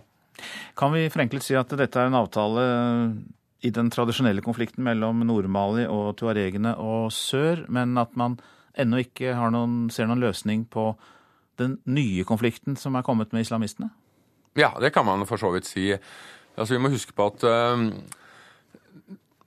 den FN-styrken som står i dette landet, altså MINUSMA, som da skal prøve å håndtere altså både den konflikten mellom disse mer sekulære opprørerne og den maliske staten, men også disse jihadistene, det er faktisk den FN-styrken som har tatt størst tap det siste året. Fra 2013 så er 46 medlemmer av denne FN-styrken faktisk drept. Flere hundre er blitt såra. Den utsettes nesten daglig for angrep.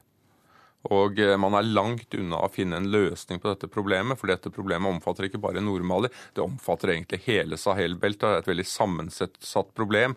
Det ene er altså de mer religiøse spenningene i området, men så er klart er dette her også koblet til problemer knytta til klimavariabilitet. Eh, altså Folks leve, vanlige levekår er blitt eh, forverret, forringet. Og ikke minst det at statene i området ikke klarer å respondere på de problemene som folk som har her, bor. Og at de internasjonale forsøkene på å gjøre det er både ganske sporadiske, tilfeldige og underfinansierte. Mange takk skal du ha, Morten Bøås, seniorforsker ved NUPI.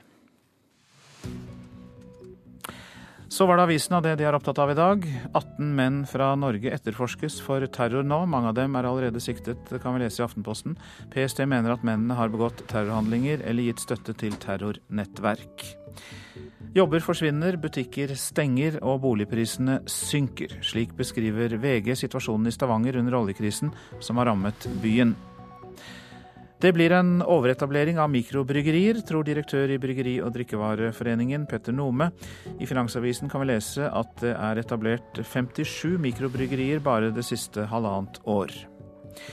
Det er slakt av oljefondets spekulasjoner på forsiden av Dagens Næringsliv. Finanseksperter er kritiske og et årlig, beregner et årlig tap for fondets spekulative investeringer til 9 milliarder kroner.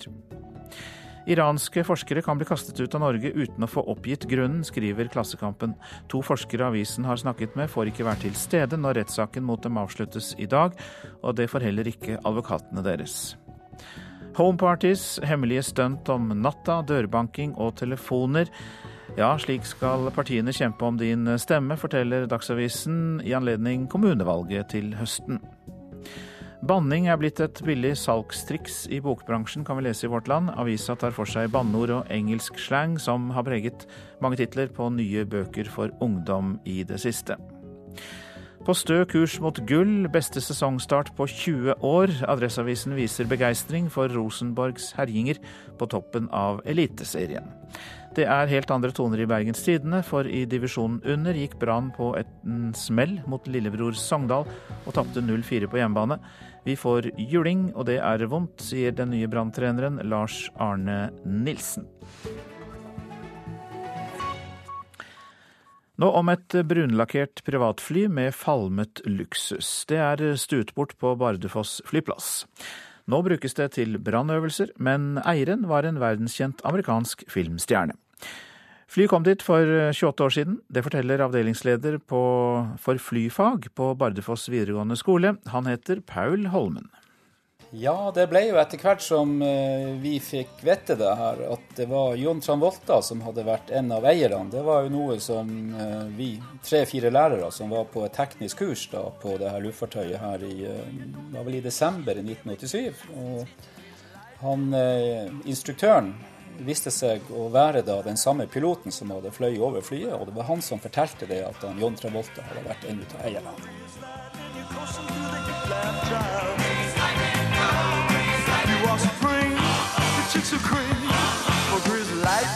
John Travolta han slo for alvor gjennom i 1977 og ble en stor stjerne i filmen 'Grease' fra 1978.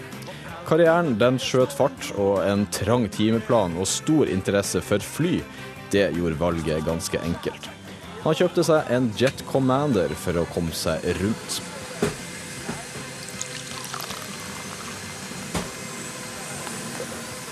Men flyet ble kanskje litt for glad i drivstoff, og måtte mellomland flere ganger mellom øst- og vestkyst i USA. Flyet ble solgt videre før det havna på Bardufoss. Eh, ja, flyet ble jo uh, brukt uh, en god del i begynnelsen, men etter hvert så uh, oppstår jo det jo ny teknologi. Og når man skal drive med opplæring, så er det jo viktig å drive med opplæring på, på nåtidens og fremtidens teknologi. Og etter hvert så ble også flyet for gammelt for flymekanikerne. Da ble det overtatt av brannvesenet og noen fugler som iblant søker ly for regnet. Så flyet ble ved stående ute for vær og vind over flere år, og man vel konkluderte med at dette flyet her, det må vi bare få egentlig bort. Og så ble det vel gjort en forespørsel til eh, brann og havari på lufthavnen om de kunne tenke seg å bruke det til noe fornuftig, og det kunne de jo da. Historien om glamour og filmstjerner den lever videre på Bardufoss. Sjøl om mye har falma med årene, så har fortsatt det gamle flyet en viktig og potensielt livreddende oppgave på flystasjonen, sier Tom Erik Tvenge. Nei, Det blir jo mye mer realistisk da for røykdykkerne våre. Mannskapene syns jo det er litt artig når John Travolta har eid flyet en gang i tida. Så det er litt artig, men det er ikke noe vi tenker over i det daglige. Det er det ikke.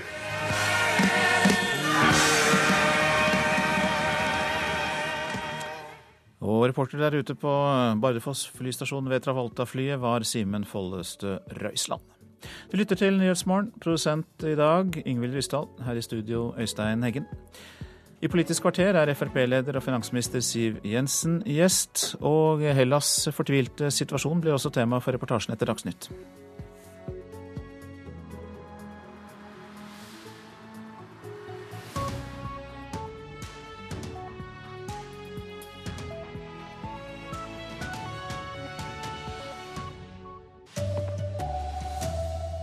Hellas foreslår ny avtale med kreditorene før dagens toppmøte. Norske turister ser ikke ut til å frykte gresk bankkollaps. Ekstremister bør ikke få ha full ytringsfridom. Det sier mange i ny norsk undersøking. Og denne veka faller dommen over han som blir kalla den mest hata mannen på internett. Her er NRK Dagsnytt klokka 7.30. Hellas har lagt fram et nytt framlegg til avtale med kreditorene sine, EU, Det internasjonale pengefondet og Den europeiske sentralbanken. Forslaget er et godt utgangspunkt før toppmøtet i dag, skriver stabssjefen for EU-presidenten på Twitter og økonomimedarbeider Sindre Heierdal. Hva kan dette få å si for å få til en løsning på den greske krisa? Det er i hvert fall et godt signal at eh, man er villig til å kompromisse, og slik långiverne ser det, så må da grekerne varig reformere sin egen økonomi. Men den tyske stabssjefen har også føyet til eh, på sitt eget morsmål en kort melding om at dette er en fødsel med tang. Så får vi bare håpe at man har funnet da rett verktøy i verktøykassa. Vet vi hva dette framlegget fra Hellas går ut på? Ja, noen ubekreftede meldinger om at man bl.a. da fjerner muligheten til å pensjonere seg tidlig i Hellas. Eh, at høyinntektsgrupper må betale mer skatt, og at bedrifter som tjener godt eh, også får en ny skatt pålagt. Hva handler møtet senere i dag om? Det går på at eh, Hellas har et nytt stort låneforfall eh, neste tirsdag. Det tar noen dager å overføre et slikt eh, milliardbeløp også teknisk, og dermed har de svært dårlig tid nå. Hellas er i en gjeldskrise og må finne en løsning på hvordan gjelda skal ned. Takk skal du ha, Sindre Heierdal. Og vi skal høre at norske Hellas-turister ikke lar seg skremme av at bankene i ferielandet kan bryte sammen. Reiseoperatørene forteller om økt etterspørsel etter Hellas-reiser den siste tida. Fire av ti charterturer denne sommeren går nettopp til Hellas. Kaja Hegg fra Oslo er en av de som snart setter seg på flyet. Nå er jeg veldig lei av været, så det er helt eh, avgjørende å komme seg til varmen og vite at det er eh, varmt og at jeg slipper å fryse. Så det er klart det veier tungt, og etter en tur i Hellas så er jeg klar for norsk sommer. Det blir enda en sommer med gyro, sovlaki, oso og ikke minst det turkise Middelhavet. Kaja Heig er en av 275 000 nordmenn som drar til Hellas i sommer. Mer enn 40 000 flere enn i fjor. Foreløpig er nordmenn mer skremte av norsk sommervær enn gresk uro, sier Tonje Fossum, kommunikasjonsdirektør i reiseselskapet Ving. Maken til salgstall som vi har hatt de siste fire ukene, er det lenge siden vi har sett. Men også reiseselskapene er svært spente på ukas møter mellom Hellas og EU, forteller Mathias Bergendal, informasjonssjef i Startur. Når vi går inn i denne uka, når det er mye diskusjoner, så givetvis så kommer vi jo å følge det her veldig, veldig nære. I dag skal den greske statsministeren til Brussel for å møte de andre lederne i eurosonen. Uten nye lån innen utgangen av juni risikerer Hellas å gå konkurs.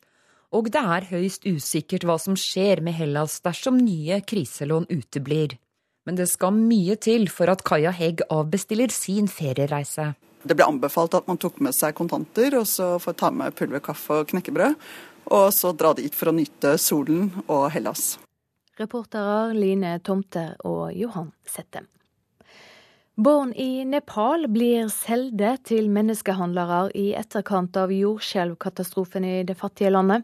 Det forteller flere internasjonale humanitære organisasjoner. Det finnes ingen sikre tall, men barn blir borte. Nepals barn er en vare. De selges og eksporteres. Når kaos oppstår etter et jordskjelv, kommer menneskehandlerne. Blant fortvilte foreldre på landsbygda kan de by seg fram som godhjertede, omsorgsfulle mennesker. De skal ta seg av barna mens forvirringen rår, men barna dukker aldri opp igjen. De ender som barnearbeidere i andre land, jentene dukker opp i India som prostituerte. Det er ikke nytt for Nepal, men nå er det en gulltid for smuglere. Det er penger i fattige unger. Reporter Tom Christiansen. Meksikanske styresmakter fant i går ytterligere fem drepne mennesker i delstaten Nuevo León. Dermed er 22 mennesker drepne på tre dager i det nordlige Mexico. Styresmaktene tror at flere av, de flere av de er drepne i samband med oppgjør mellom kriminelle grupper. Ytterliggående politiske og religiøse grupper bør ikke ha like vilkår som andre når det gjelder å fremme budskapen sin. Det mener kring halvparten av de spurte i en stor undersøking fra Universitetet i Bergen. Folk ble bl.a. spurt om ytterliggående islamister og høyreekstreme skal få leie møtelokale, eller fortelle om sitt syn på det lokale kjøpesenteret. Nei, sånn, akkurat de har jeg ikke noe til overs for, faktisk. Så det, det hadde jeg egentlig ikke likt. Det er ikke noe jeg har lyst til at skal skje, nei noen aktører i Norge oppfattes som så ekstreme at vi ikke ønsker at de skal kunne benytte de vanlige demokratiske rettighetene. Det sier forsker Elisabeth Ivarsflaten ved Universitetet i Bergen, som jobber med å måle holdningene våre i Norsk medborgerpanel. Folk er aller mest opptatt av å begrense rene høyreekstreme grupper og ytterliggående islamister som profetens Umma. Men mange vil også hindre anti-islamske grupper som Pegida og Stopp islamifiseringen av Norge å få slippe til i offentligheten. Og der er det sånn at det er litt 50-50. Noen mener at de bør ha demokratiske rettigheter, andre mener ikke det. Så der finner vi et mer mikset resultat. Ifølge Ivarsflaten er vi skeptiske til dem vi frykter skal misbruke rettighetene og være en trussel mot demokratiet. Det gjelder ikke vanlige muslimer. Så en vanlig muslimsk menighet mener befolkningen i Norge at skal ha rettigheter i vårt demokrati, på lik linje med hvilken som helst annen religiøs organisasjon. Samtidig med at mange av oss vil hindre ytringene til ekstreme grupper, er det andre som mener vi bør la folk slippe til, selv om de har ekstreme meninger. Så lenge de på en måte da ikke proklamerer ting som for går på tvers med menneskerettigheter, så er det egentlig innafor. Altså. Det er skumlere om ting ikke kommer frem, at folk mener eh, ting i det skjulte. Reporter Tom Ingebrigtsen. Og det er overraskende at det ikke er flere som ønsker å avgrense ytringsfridommen til ytterliggående grupper. Det sier Njål Høstmeldingen, direktør ved International Law and Policy Institute. Det er fordi de ytringene som man da søker å beskytte, det som virkelig trenger beskyttelse, det er de som provoserer deg, det er de som krever noe av deg. Og når du får det på en måte trykka inn på deg, så vil du fort reagere med å be, be de om å holde kjeft, være stille, holde seg unna din sfære. Og du finner mer om ytringsfridomsundersøkelser på nrk.no. Apple snur og vil likevel betale, for, eh, betale, artister for musikken når strømmetjenesten Apple Music blir lansert neste uke. Brukerne får prøve tjenesten gratis i tre måneder. Apple hadde opprinnelig ikke tenkt å betale de som lager musikken i denne perioden. Men etter at artisten Taylor Swift skrev et åpent brev til selskapet der hun protesterte mot planene, har de nå sagt at de likevel vil betale. Og det blir mer om dette i Kulturnytt på P2 om en knapp halvtime. Denne veka faller dommen i det som er tidenes største hevnpornosak i USA. Tiltalte Hunter Moore levde i tre år av å publisere nakenbilder av uvitende kvinner og menn på internett. Det er grunn til å tro at også norske kvinner er ofre i saka, sier Hans Marius Tessem i slettmeg.no. Vi har klare indikasjoner på at eh, det òg har vært norske jenter på, på, den siden. Først denne uken faller dommen mot det som kalles internetts mest forhatte mann. I mellomtiden har Hunter Moore levd fett og blitt kjendis på andres ulykke. Fenomenet heter hevnporno. Sinte menn og kvinner som ønsker å ødelegge livet til eksen ved å publisere nakenbilder og personopplysninger om dem på internett. Moores gamle side isanyoneUp.com spesialiserte seg på dette og hadde, ifølge ham selv, 30 millioner unike brukere hver måned. Hunter Moore har ødelagt livet til hundrevis av mennesker verden over, sier Hans Marius Tessem i slettmeg.no. Basert på det han har gjort, så må jeg jo kunne si at uh, han har vært enten en drittsekk eller en person som ikke har skjønt omfanget av det han har holdt på med, og hvor mye han har ødelagt for folk. Hvert år mottar slettmeg.no mellom 30 og 40 henvendelser fra fortvilte nordmenn som har fått spredt nakenbilder på internett av ekskjæresten.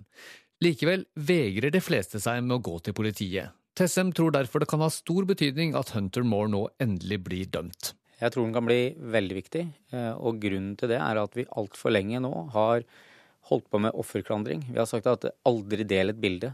Så jeg håper vi ser en klar dreining over til at den som gjør det ulovlig, den som gjør det gærne, er den som blir tatt.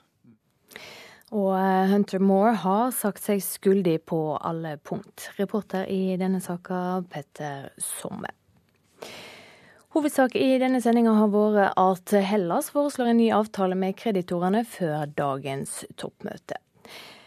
Ansvarlig for Dagsnytt i dag, Elin Pettersen. Han Lunås. Her i studio, Silje Sande.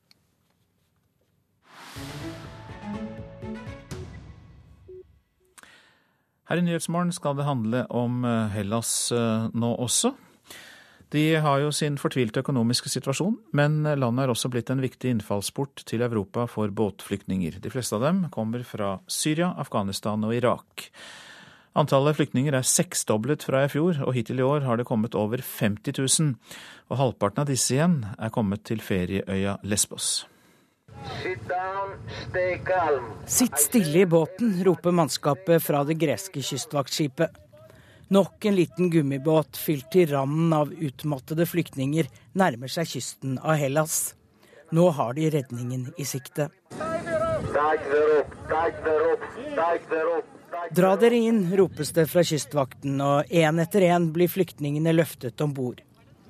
De smiler, for etter den strabasiøse flukten fra urolige hjemland har de nå redningen i sikte. Lesbos, ferieøya. Til fots går de mot hovedstaden Mytilini og det de håper er en ny fremtid. I år har det kommet over 25 000 båtflyktninger hit. Og selv om Lesbos er den tredje største øya i Hellas, har de ikke kapasitet til å ta seg av dette. På rådhuset i Mytilini sitter Spyros Galinos. Den gråhårete ordføreren ser trett og sliten ut.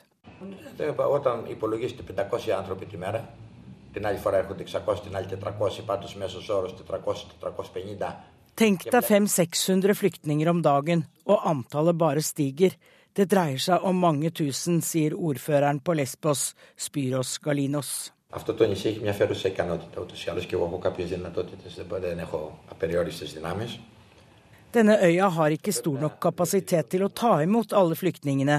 Vi trenger hjelp fra verdenssamfunnet, særlig EU, hvis vi skal klare dette. for jeg kan ikke bære dette på min egen rygg, sier en sliten ordfører Galinos. Flyktningene ender i inngjerdede mottakssentre. For mange ble det ikke slik de hadde tenkt. There is no beds. Uh, there is anything. Bed. No bed. No. Vi har ikke senger her. Ingenting, sier denne syriske flyktningen til britiske ITN.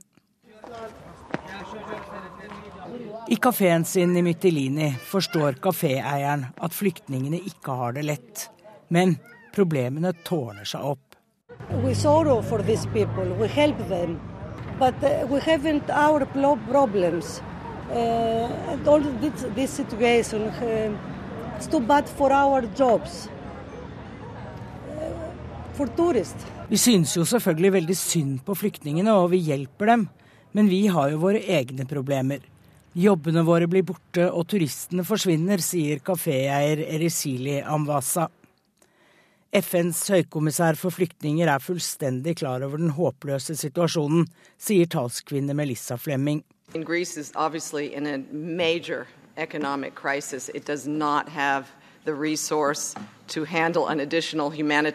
Crisis. Hellas er inne i en økonomisk krise og har ikke ressurser til å håndtere nok en humanitær krise, sier Melissa Flemming, som likevel er imponert over grekerne. Actually, what I find really heartwarming is to see the people, the people, um, who are actually reaching out to help people in need. Muntre stemmer høres fra folkene som er på vei fra kysten og innover på øya.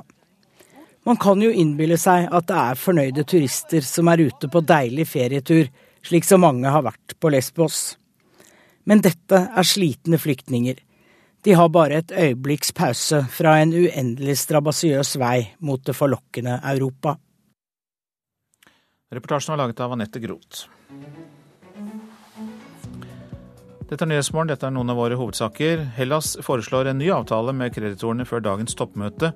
Forslaget er et godt utgangspunkt, sier EU-kommisjonens president Jean-Claude Juncker.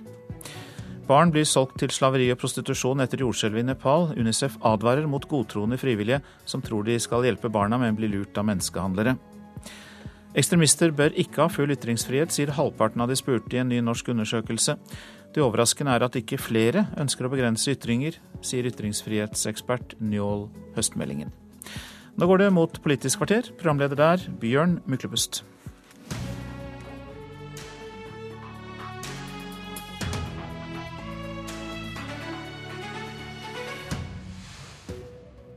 Velkommen til Politisk kvarter, Siv Jensen. Takk for det. Føler du deg mest som en finansminister eller som en partileder? Føler meg nok litt som eh, begge deler, for jeg er både partileder og finansminister. Vil det være riktig å anta at hvis man bruker mye tid på én ting, så går det utover den andre? Ja, det er jo eh, velkjent at eh, sånn er det. Men jeg forsøker jo å bruke mye tid på både å være partileder og på å være finansminister, og det er jo vevd tett sammen. Jeg er finansminister på vegne av Fremskrittspartiet i en koalisjonsregjering. Og alt jeg gjør, handler jo om selvfølgelig først og fremst å sikre at det går bra for norsk økonomi, men å sørge for å ivareta Fremskrittspartiets interesser. Tror du det er enklere for en Erna Solberg eller det var for en Jens Stoltenberg å kombinere en tung ministerpost med det å være partileder enn for en Siv Jensen eller en Kristin Halvorsen som leder for partier som har mange standpunkter som ikke har flertall? Jeg tror det er utfordrende uansett å skulle kombinere partilederverv med eh, statsrådsjobb, enten det er statsminister, finansminister eller noe annet. Eh, det handler jo om at eh, statsråder jobber mange timer, for vi har et tungt ansvar hvilende på våre skuldre. Men samtidig er det sånn at vi er ikke statsråder lenger enn partiene våre er komfortable med det vi gjør. Derfor handler det om å ivareta partiets interesser, få gjennomslag for viktige deler av det vi har jobbet for i 40 år, og det gjør vi jo. Vi reduserer skattene og avgiftene, vi gjennomfører reformer innenfor helsevesenet, eldreomsorgen, justissektoren, ikke minst samferdselssektoren. Og dette har jo vært Fremskrittspartiets kjernesaker i alle de år i opposisjon. Tenkte jeg skulle stille deg noen spørsmål som partileder først. Gjør det. Høyre, Venstre og KrF var med på avtalen som sikrer at det kommer flere syriske flyktninger til Norge enn samarbeidspartiene var enige om. Fredag så nektet du å svare på om samarbeidsavtalen er brutt. Det skulle dere ta internt. Hva syns du da om at dine talspersoner i Stortinget slår det fast? Det er i hvert fall ingen eh, tvil om at Fremskrittspartiet er uenig i det vedtaket Stortinget gjorde på fredag om å ta imot 8000 syriske flyktninger til Norge. Men det var ikke spørsmålet? Nei, men vi er imot det. Vi har stemt mot det, og vi har tydelig sagt at vi er imot det. Så er det mange som mener at uh, dette er uh, utfordrende i forhold til den samarbeidsavtalen vi har de fire partiene imellom. Men jeg har alltid sagt at spørsmål rundt avtaler som er inngått mellom partier, de stiller man til sine avtalepartnere, og ikke gjennom media. Men spørsmålet var hva syns du da om at dine talspersoner i Stortinget slår det fast? Jeg har stor forståelse for eh, at mange i Fremskrittspartiet har reagert på den siste tids hendelser. Eh, og at de gir uttrykk for det, det mener jeg er greit. Vi, vi har takhøyde i Fremskrittspartiet. Folk skal få lov å si det de har på hjertet. Men det er partilederne som tolker eh, avtalen på vegne av partiene. Og jeg har vel eh, fra tid til annen gode samtaler med de andre tre partilederne, hvor vi drøfter både krevende og litt mindre krevende spørsmål. Forstår du hvis noen mener dette er et eksempel på dobbeltkommunikasjon? Dine politikere raser, du sier ingenting. Det er jo snarere tvert imot. Så sier vi jo det samme hele Fremskrittspartiet. Vi er imot dette vedtaket. Vi er uenig i at det skal tas imot 8000 eh, flyktninger fra Syria. Men det var igjen Men, ikke eh, spørsmål. Det var spørsmål var, Er det en brudd på samarbeidsavtalen som hele det borgerlige samarbeidet hviler på? Nei, spørsmålet ditt var om vi drev med dobbeltkommunikasjon. Og det gjør vi ikke. Vi sier det samme alle sammen. Vi er uenige i denne avtalen. Eh, men samtidig er vi i en situasjon hvor vi er, har en mindretallsregjering som fra tid til annen må gjennomføre vedtak som påføres av Stortinget. Hvorfor har ikke FrPs velgere, som da skal vurdere dette borgerlige samarbeidet, krav på å få vite om partilederen mener om regjeringspartneren har brutt samarbeidsavtalen?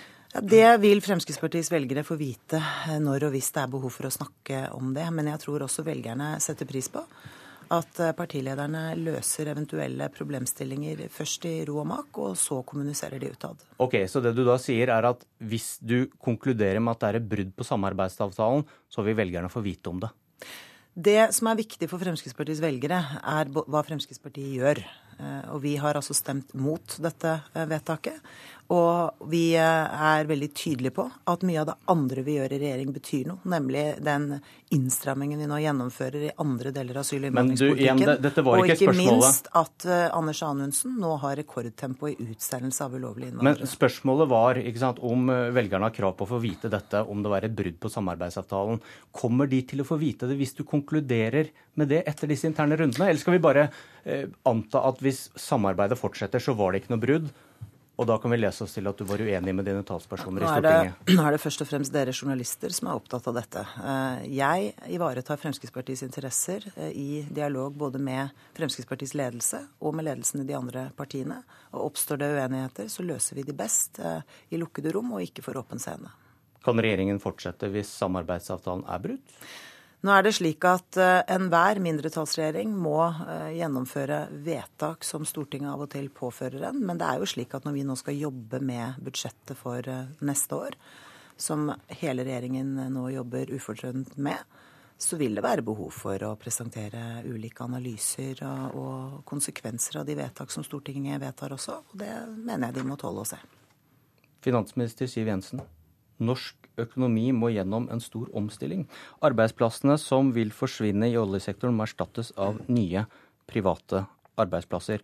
Men ved hver korsvei, hver budsjettrunde, har dere økt oljepengebruken. Når du f.eks. gir over 1 milliard ekstra oljekroner til kommunene i revidert, går de da til omstilling, eller går de til drift? Nå er det sånn at uh, Oljepengebruken har økt hvert eneste år siden handlingsregelen ble innført i 2001. Eh, og vi har nå et budsjett som er veldig godt tilpasset eh, norsk økonomi. Det er jo for så vidt slått fast både av IMF og OECD. Regjeringen har sagt at den økte oljepengebruken primært skal eh, gå til vekst. Gjennom skattereduksjoner, gjennom økte investeringer i infrastruktur og til forskning og utdanning. Det er tre områder vi vet gir grobunn for vekst. Og er det noe norsk økonomi trenger nå, så er det nye vekstimpulser. Vi skal altså vi skal altså gå fra en situasjon hvor eh, vi har sett at veksten har kommet sterkt i olje- og gassrelatert industri i mange, mange år. Samtidig som vi har visst at vi kom til å møte et uh, toppunkt, og at det kom til å gå litt nedover igjen. Der er vi nå. Det er først og fremst veldig utfordrende for alle de som nå merker det på kroppen, mister jobben og går usikre tider i møte. Og av hensyn til dem, og av hensyn til bærekraften i hele vår økonomi fremover, så må vi eh, danne grobunn for vekst i annen næringsvirksomhet. og Derfor er det viktig at vi også har privat kapital, og derfor betyr skattereduksjoner noe. Men Spørsmålet var eh, hvordan bidrar denne milliarden dere ga til kommunene til dette, da? Nå er det jo sånn at eh, kommunene er eh, store arbeidsgivere. Har mange av de viktige velferdsoppgavene som de skal løse på vegne av oss alle sammen. Jeg tror det fortsatt er sånn at vi alle er opptatt av at det er gode barnehageplasser til barna våre. At vi har gode velferdstilbud innenfor eldreomsorgen. Eh, og ikke minst gode skoler. Men da må det hensynet du snakket om i stad, vike for dette gode formålet? Nei. At da bruker man oljepenger på mm. noe annet enn omstilling? Det er sånn at uh, mesteparten av de pengene vi bruker i et budsjett, er ikke oljepenger, det er dine skattepenger. Eh, og det er sånn at når man lager budsjetter, så skal man klare å gjøre flere ting på en gang. Vi skal både trygge viktige velferdsordninger. Sørge for at vi har tilgang på helse, omsorg, skole, oppvekstvilkår, trygghet. Samtidig som vi skal eh, skape ny giv, ny entusiasme. Det er ikke gjort over natten. Og jeg tror alle bedrifter som har jobbet med omstilling, vet at dette tar tid. Eh, men vi skal altså ha eh, primært få hjelp fra andre deler av vår økonomi enn fra olje- og gassnæringen fremover, selv om den kommer til å være viktig. Og da må vi legge til rette til det, for det. Og derfor er jeg veldig glad for at det er bred enighet blant alle aktørene i norsk arbeidsliv, næringsliv, om at det regjeringen nå gjør, er rett. Eh, og at man må ha litt is i magen, for dette tar tid. Sitat. Jeg kan garantere at utvalget vil konkludere med at vi trygt kan bruke mer oljepenger enn handlingsregelen, sa FrPs nestleder Per Sandberg da Thøgersen-utvalget ble nedsatt. Torsdag kom utvalget med sin rapport. Fikk Sandberg rett? Jeg tror de som har rukket å lese Thøgersen-utvalget, og jeg har ikke rukket det, jeg har lest eh, sammendrag og overskrifter så langt, Eh, men de vil jo se at dette er en grundig analyse av hvordan eh, oljepengebruken bør være i et langsiktig perspektiv. Utvalgslederen var veldig tydelig på at i finanspolitikken så må man ta flere hensyn, også hensyn til konjunkturene. Så de gir jo ikke noen oppskrift på hvor mye penger vi skal bruke fra det ene året til det andre, men de peker i et langsiktig perspektiv. Og så må vi huske på da Og hva, hva er meldinga da? Meldingen er at vi altså, Det er jo egentlig det som er litt uh, interessant. Vi ligger jo nå i en, en situasjon hvor vi bruker mindre uh, enn denne 4 %-banen. Og det var årsaken til at jeg satte utvalget ned. Uh, både at fondet har vokst så mye som det har gjort. At vi vet at deler av fondet kan gi lavere avkastning i en del år fordi vi er tungt investert i obligasjoner, og rentene i, verden er lave. Så det er en del andre krefter som driver utviklingen både av fondet og derved på en måte pengebruken, som gjør at det er interessant å tenke litt mer langsiktig over dette. Og det er det, derfor vi satte utvalget ned. Men får du ikke beskjed av dette utvalget om å bruke mye mindre oljepenger enn det du gjør? Nei, vi får beskjed om å gjøre en vurdering av eh, de langsiktige banene for, eh, for handlingsregelen fremover. Og det vil eh, vi komme tilbake til. Det vi har sagt, er at vi nå sender dette på høring.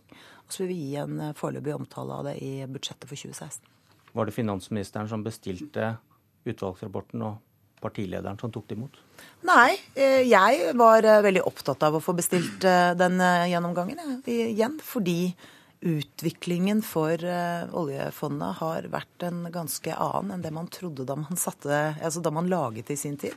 Men husk på at fondet har vokst voldsomt. Det er et kjempestort fond som vi skal klare å forvalte på en god måte fremover. Og som jeg sier, når 40% av, av kapitalen er investert i obligasjoner som nå har nær null avkastning, så gir det oss noen utfordringer på sikt.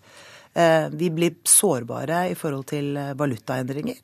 Eh, og, eh, men det betyr jo at vi fortsatt kommer til å bruke mye oljepenger i norsk økonomi i all overskuelig fremtid. Spørsmålet er når kommer dette tippepunktet? Eh, og enn så lenge så, så kan vi slappe av. Vi slapper av. Takk, Siv Jensen, partileder og finansminister. Politisk kommentator i NRK, Magnus Takvam. Finansminister og partileder, hvem er den tydeligste Frp-stemmen om dagen? Ja, det er et uh, godt spørsmål. Og uh, den saken du spurte om på det punktet om Syria, illustrerer jo Eller diskusjonen om Syria-flyktninger var en illustrasjon på det. Det er klart at det å være både finansminister og partileder innebærer en delt lojalitet eh, mellom å være lojal overfor regjeringen og det prosjektet det innebærer som finansminister, og eh, partiet og partiorganisasjonen.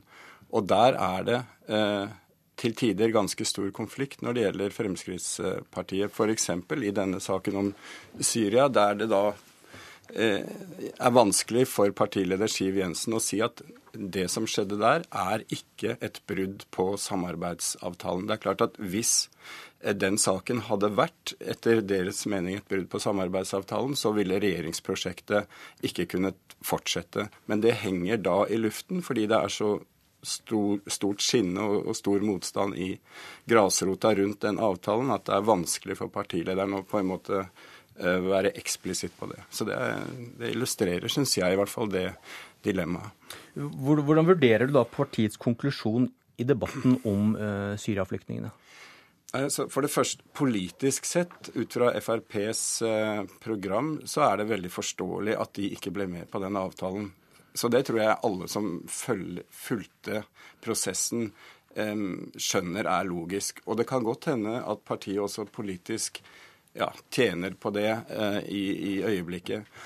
Eh, men det viste jo, mener jeg, en del av den populismen som fremdeles fins i Frp, når man vedtar eh, å gå til folkeavstemning om, om, saken som en slags indremedisinsk si, behandling av, av eh, problemet for seg selv. Og i forlengelsen av dette, Hvordan er forholdet mellom de to regjeringspartiene nå?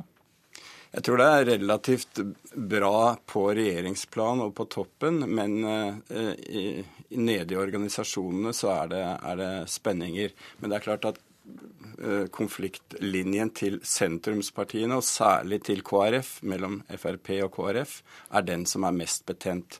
Der er det skal vi si, stor misnøye i Frp med at, med at KrF liksom presser de gang på gang i, i Stortinget. Så den lever og er, er krevende for, for begge parter.